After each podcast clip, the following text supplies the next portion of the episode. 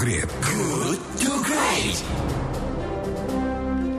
107,1 Kilat FM Bandung, Inspiring Sound. Terima kasih sahabat Kilat Anda masih setia bersama dengan kami di Good to Great because good is the enemy of great. Dan sekarang tiba saatnya kita sudah masuk ke sesi diskusi selanjutnya di paruh ketiga. Dan saya Aska saya akan mengajak Anda untuk berdiskusi tema kita di pagi hari ini adalah mengkalkulasi kemerosotan harga minyak dunia akibat pandemi corona. Akankah ini akan mencapai skenario terburuk alias minus? Lantas apa implikasinya?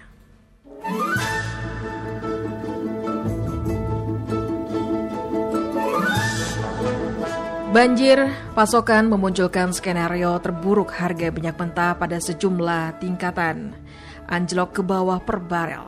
Artinya pembeli cuma perlu mengeluarkan ongkos angkut sementara komoditas minyak dapat diambil secara cuma-cuma alias gratis. Harga minyak mentah jatuh ke posisi terendah dalam beberapa waktu terakhir. Sebab pemerintah um, anjlok karena semua aktivitas manusia terhenti di tengah pandemi virus corona.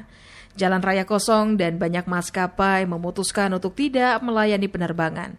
Bahkan, mengutip dari Bloomberg News yang dilansir CNN, harga minyak mentah um, Yoming baru-baru ini jatuh hingga negatif 9% per barel. Pada beberapa kasus kapasitas penyimpanan yang kurang membuat produsen minyak perlu membayar pihak lain untuk mengambil alih produksi minyaknya. Di sisi lain, pasokan minyak tetap mengalir di tengah perseteruan Arab Saudi dan Rusia terkait pengurangan produksi minyak. Rusia diketahui menolak memangkas produksi dalam pertemuan OPEC Plus pada awal Maret lalu. Imbas perseteruan itu, kedua negara justru menyatakan akan meningkatkan produksi serta melakukan perang harga. Sementara itu, Amerika Serikat tidak memberikan sinyal penurunan produksi. Kondisi tersebut menandakan banjir pasokan minyak mentah. Dunia segera kehabisan ruang untuk menyimpan semua minyak mentah yang tidak digunakan tersebut karena anjloknya permintaan. Dengan kata lain, fasilitas penyimpanan, uh, kemudian juga kilang, terminal, kapal, dan pipa minyak mencapai kapasitas maksimum. Goldman Sachs menyatakan kondisi ini belum pernah terjadi sejak tahun 1998. Dan sahabat kilat, di pagi hari ini untuk membahas hal tersebut, di diskusi pagi hari ini kami akan menghadirkan narasumber yaitu Bapak Tauhid Ahmad yang merupakan Direktur Eksekutif Institute for Development of Economics and Finance atau INDEF.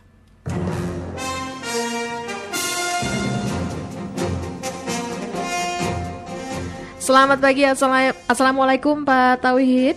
Waalaikumsalam warahmatullahi Iya, Pak Tauhid, ini suaranya terputus-putus. Sepertinya ada kendala sinyal di tempat Anda. Mungkin bisa mencari dulu spot yang sekiranya cukup baik untuk sinyal, Pak Tauhid? Iya, ya betul ya. Uh, tadi kayaknya lancar begitu. Ya, ini agak terputus-putus. Mungkin ini uh, karena ruangan yang terlalu kedap atau bagaimana ya saya? Coba mungkin bisa uh, pindah ke tempat yang sedikit lebih baik sinyalnya Pak Tauhid. Mohon oke, maaf. Oke oke Saya coba ya. Saya ini naik ke lantai dua rumah saya nih. nah ini udah agak bagus nih suaranya nggak okay, okay, terputus. Oke okay, Oke. Okay. Okay, hmm. Bagaimana Pak? Sehat kabarnya Pak Tauhid? Sehat, sehat nih. Work from home sudah beberapa minggu dari kantor. Alhamdulillah. Hanya ke kantor hanya administrasi saja ini. Aha, iya iya. Mudah-mudahan sehat selalu ya Pak dan kita yeah. terus semangat ya Pak ya menghadapi pandemi corona ini. Betul, betul, betul. Iya. Di Bandung malah ini sudah mulai diberlakukan PSBB nih Pak Tauhid. hmm, ya, Jakarta sudah hampir semingguan lebih. Aha dan saya kira sudah mulai agak sedikit meredup aktivitas uh, masyarakat dan banyak masyarakat yang sudah mulai terdampak cukup uh, parah nih di situasi begini. Iya, baik baik. Pak Tauhid, kita ngobrol-ngobrol nih pagi hari ini bersama dengan hmm. sahabat Kelight di yeah. ya di 107,1 Kilat FM. Pak Tauhid ini akibat uh, pandemi corona, kini terjadi banjir pasokan minyak mentah ya. Harga minyak mentah jatuh ke posisi terendah dalam 21 tahun terakhir ini. Lantas uh, mengkalkulasi kemerosotan harga minyak dunia akibat pandemi corona, akankah ini akan mencapai pada skenario terburuk alias minus? Menurut Anda hmm, bagaimana? Yeah. Lantas apa yeah. implikasinya Pak Tauhid? Betul, karena kalau pada level dunia saya kira bisa sampai minus tadi seperti disampaikan dalam pengantar diskusi. Nah, produksi minyak dunia memang ditahan pakai sampai 100 uh, eh, juta barrel per hari mm -hmm. dan uh, konsumsi juga uh, secara normal tidak jauh dari angka itu. Karena itu tetap dijaga sehingga harga masih uh, bisa normal sebelum pandemi ini sekitar 65 mm -hmm. ya uh, dolar uh, barrel per uh, dolar ya. Nah ini karena ada penurunan uh, efek daripada pandemi uh, terhadap pertumbuhan ekonomi dunia yang bisa anjlok sampai uh, minus, tentu saja berpengaruh terhadap permintaan uh, minyak dunia secara merata di seluruh wilayah. Mm-hmm. Dalam uh, beberapa bulan terakhir saja, konsumsi minyak dunia sudah turun dari uh, sekitar 16 sampai 20 juta barrel per hari termasuk juga di Indonesia, uh, Pertamina menyampaikan uh, penurunan untuk eceran BBM itu sekitar 16 sampai 18 persen. Mm-hmm. Kemudian untuk bahan bakar, transportasi, pesawat dan sebagainya bahkan sampai 45 persen. Nah penurunan itu saja memang bagi sebagian negara dimanfaatkan untuk uh, menyetok ber, uh, apa minyak yang beredar di pasaran, tetapi mm -hmm. tentu saja ada kapasitas yang terbatas karena oversupply tadi. Bahkan meski harga sudah diturunkan sampai mm -hmm. titik rendah, tetap saja tidak mampu menampung uh, suplai minyak yang berlebihan dan ini berakibat uh, penawaran daripada uh, apa penawaran daripada minyak dunia ini bahkan sampai titik rendah karena memang biaya penyimpanan ini juga cukup tinggi begitu, mm -hmm. termasuk biaya transportasi.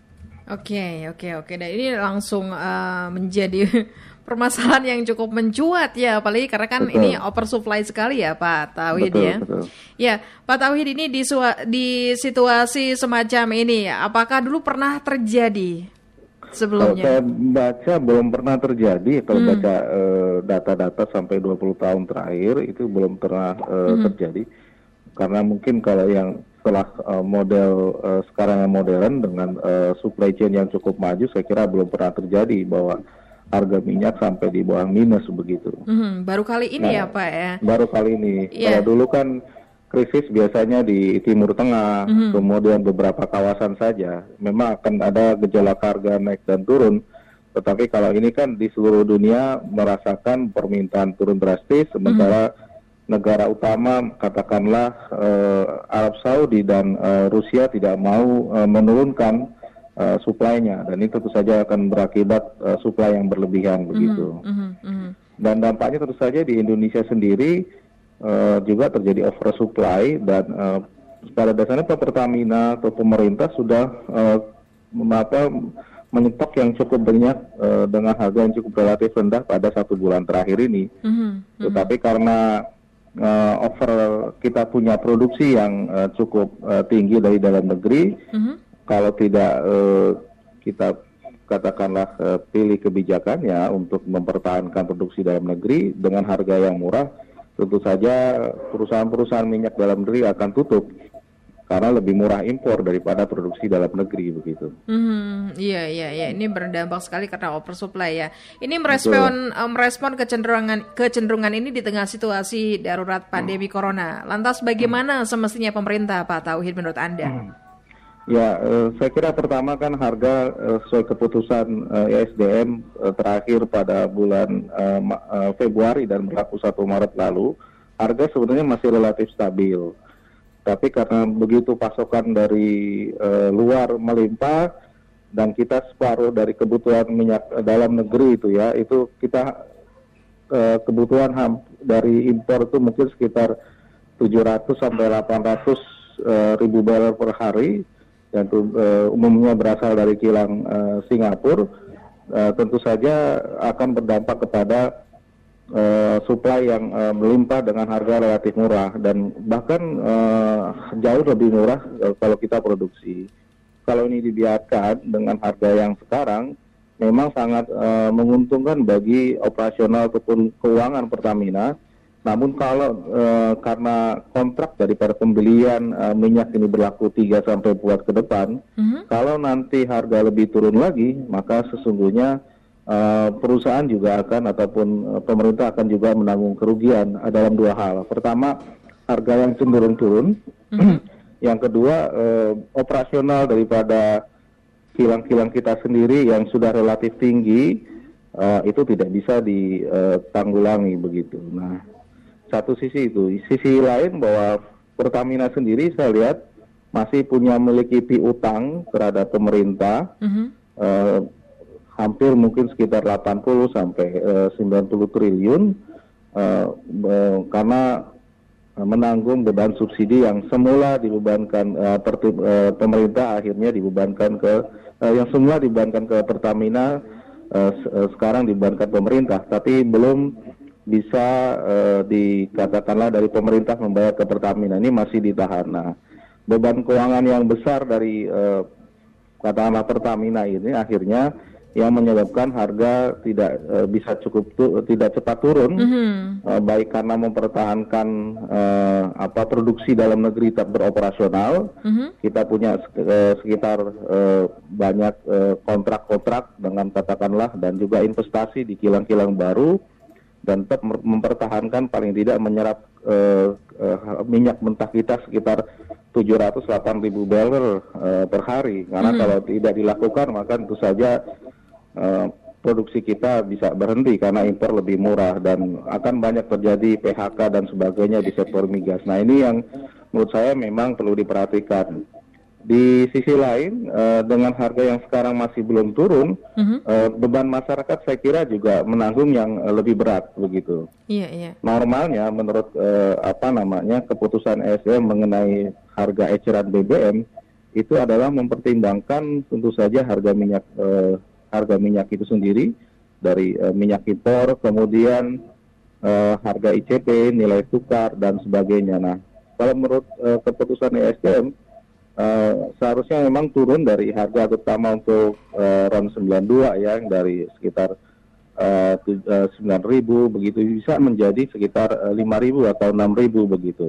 Mm -hmm. Nah, ini yang yang menurut saya memang uh, pemerintah seharusnya uh, secara bertahap mulai menurunkan sambil mencari keseimbangan baru. Mm-hmm. Kalau saya lihat memang tidak mungkin uh, kalau harga BBM eceran di kita itu akan uh, minus atau uh, katakan turun drastis karena kita uh, masih uh, memiliki produksi dalam negeri. Kalau itu diturunkan maka dampak luar biasa terhadap uh, sik, uh, bisnis daripada di sektor uh, migas kita begitu. Baik, ini ternyata uh, karena memang pemerintah ada banyak sekali pertimbangan-pertimbangan seperti yang Betul. tadi sudah Anda jelaskan kenapa hingga saat ini Pertamina belum menurunkan harga BBM begitu ya Pak Betul. Tauhid ya Betul. karena memang ada beberapa pertimbangan yang tadi sudah Anda jelaskan. Padahal mungkin sebetulnya menurut masyarakat awam bahwa kenapa sih belum diturunkan? Ini kan mungkin di tengah pandemi seperti ini cukup membantu masyarakat gitu ya. Betul, Bagaimana betul, betul. menurut Anda uh, untuk membuka atau sebagai edukasi kepada masyarakat memberikan pemahaman uh, itu Pak Tauhid? Ya, saya kira ya ke kewenangan daripada apa menurunnya harga BBM ada di tingkat kementerian ya. Tentu saja memang harus ada penjelasan ke masyarakat ke kenapa harga tidak cepat turun karena memang saya kira dua hal. Satu adalah menyimbangkan kesehatan keuangan daripada Pertamina sendiri dan pemerintah di sektor uh, migas yang sebenarnya memang masih punya utang. Yang kedua adalah mempertahankan uh, industri migas dalam negeri. Nah, tetapi memang sebenarnya dengan situasi ini uh, ada hitung-hitungan yang uh, bisa turun dan ini sudah banyak pakar mengatakan bisa turun sekitar 20-an persen begitu. Uh, dan uh, menurut saya ya itu bisa dijawab lebih dahulu. Tidak mungkin sampai katakanlah migas sampai uh, apa harga BBM sampai 1000 atau 2000 uh, per liter, tapi mungkin lebih tinggi. Nah, dua hal itu harus dijelaskan dan uh, keputusan Menteri SDM dalam yang diterbitkan awal uh, apa awal Januari awal uh, awal Maret itu bisa ditinjau ulang uh, secepatnya begitu. Mm -hmm. Sambil menjelaskan kenapa harga bisa tidak bisa turun drastis begitu. Baik, baik. Ya, Pak Tauhid yang terakhir ini, apa ini hmm. masukan-masukan hmm. dan juga rekomendasi Anda kepada pemerintah di tengah situasi seperti sekarang ini? Ya, uh, saya kira begini, situasi uh, kalau kita lihat dari uh, banyak perkiraan bahwa pertumbuhan ekonomi dunia ini akan uh, tetap uh, minus sampai akhir tahun, berarti harga minyak uh, dunia ini akan uh, juga uh, relatif rendah sepanjang tahun. Nah, otomatis uh, pemerintah harus uh, melakukan perhitungan ulang terhadap uh, harga yang ditetapkan dalam uh, APBN itu sendiri yang kemarin memang sudah diturunkan, sekarang seharusnya sudah ditinjau ulang begitu. Ini akan menjadi acuan bagi uh, harga BBM di tingkat eceran maupun di uh, keuangan negara khususnya APBN. Nah, karena itu memang uh, tidak perlu menunggu sampai empat bulan atau sampai akhir semester di Juli. Kalau bisa memungkinkan lebih cepat karena memang kondisi pandemik ini akan berlaku sampai satu tahun. Kalau itu tidak dilakukan, maka uh, pemerintah juga masih dalam kondisi uh, katakanlah untuk sektor migas ini masih rugi dan uh, masyarakat juga uh, dirugikan. Karena situasi sekarang mm-hmm. uh, beban masyarakat saya kira uh, relatif uh, paling uh, besar. Uh, mereka tidak bisa banyak beraktivitas. Kalau harga BBM uh, tidak diturunkan maka uh, beban juga akan semakin besar. Saya kira itu. Yang kedua adalah uh, uh, apa namanya dengan penurunan uh, konsumsi untuk BBM uh, saya kira memang uh, pemerintah harus uh, mengkalkulasi ulang biaya-biaya ikutan yang uh, berdampak. Uh, misalnya apakah tarif dasar listrik yang uh, juga uh, berkurang karena sebagian besar uh, katakanlah uh, PLTA, PLTA kita sebagian uh, menggunakan uh, mesin diesel dan sebagainya. Mm-hmm. Itu juga saya kira perlu dipertimbangkan. Yang lain juga adalah biaya-biaya transportasi yang seharusnya relatif bisa diturunkan dengan uh, apa dengan menurunnya harga BBM ini. Saya kira dampak lanjutan dari penurunan harga minyak ini harusnya bisa dinikmati oleh masyarakat luas. Baik, baik Pak Tauhid, terima kasih untuk bincang-bincang ya. kita di sesi uh, diskusi pagi hari ini, Pak. Ya, terima kasih juga sahabat Kelet dan uh, mudah-mudahan kita bisa diskusi lebih dalam pada kesempatan berikutnya. Iya, amin Pak. Mudah-mudahan nanti kita punya kesempatan lagi untuk bincang-bincang lagi ya Pak Tauhid ya. Ya. Baik, selamat pagi Pak. Selamat beraktivitas. Sehat selalu untuk Anda. Assalamualaikum. Waalaikumsalam warahmatullahi wabarakatuh. Ya sahabat, kira demikian perbincangan kita bersama dengan Bapak Tauhid Ahmad yang merupakan Direktur Eksekutif Institute of, uh, maksud kami Institute for Development of Economics and Finance atau INDEF.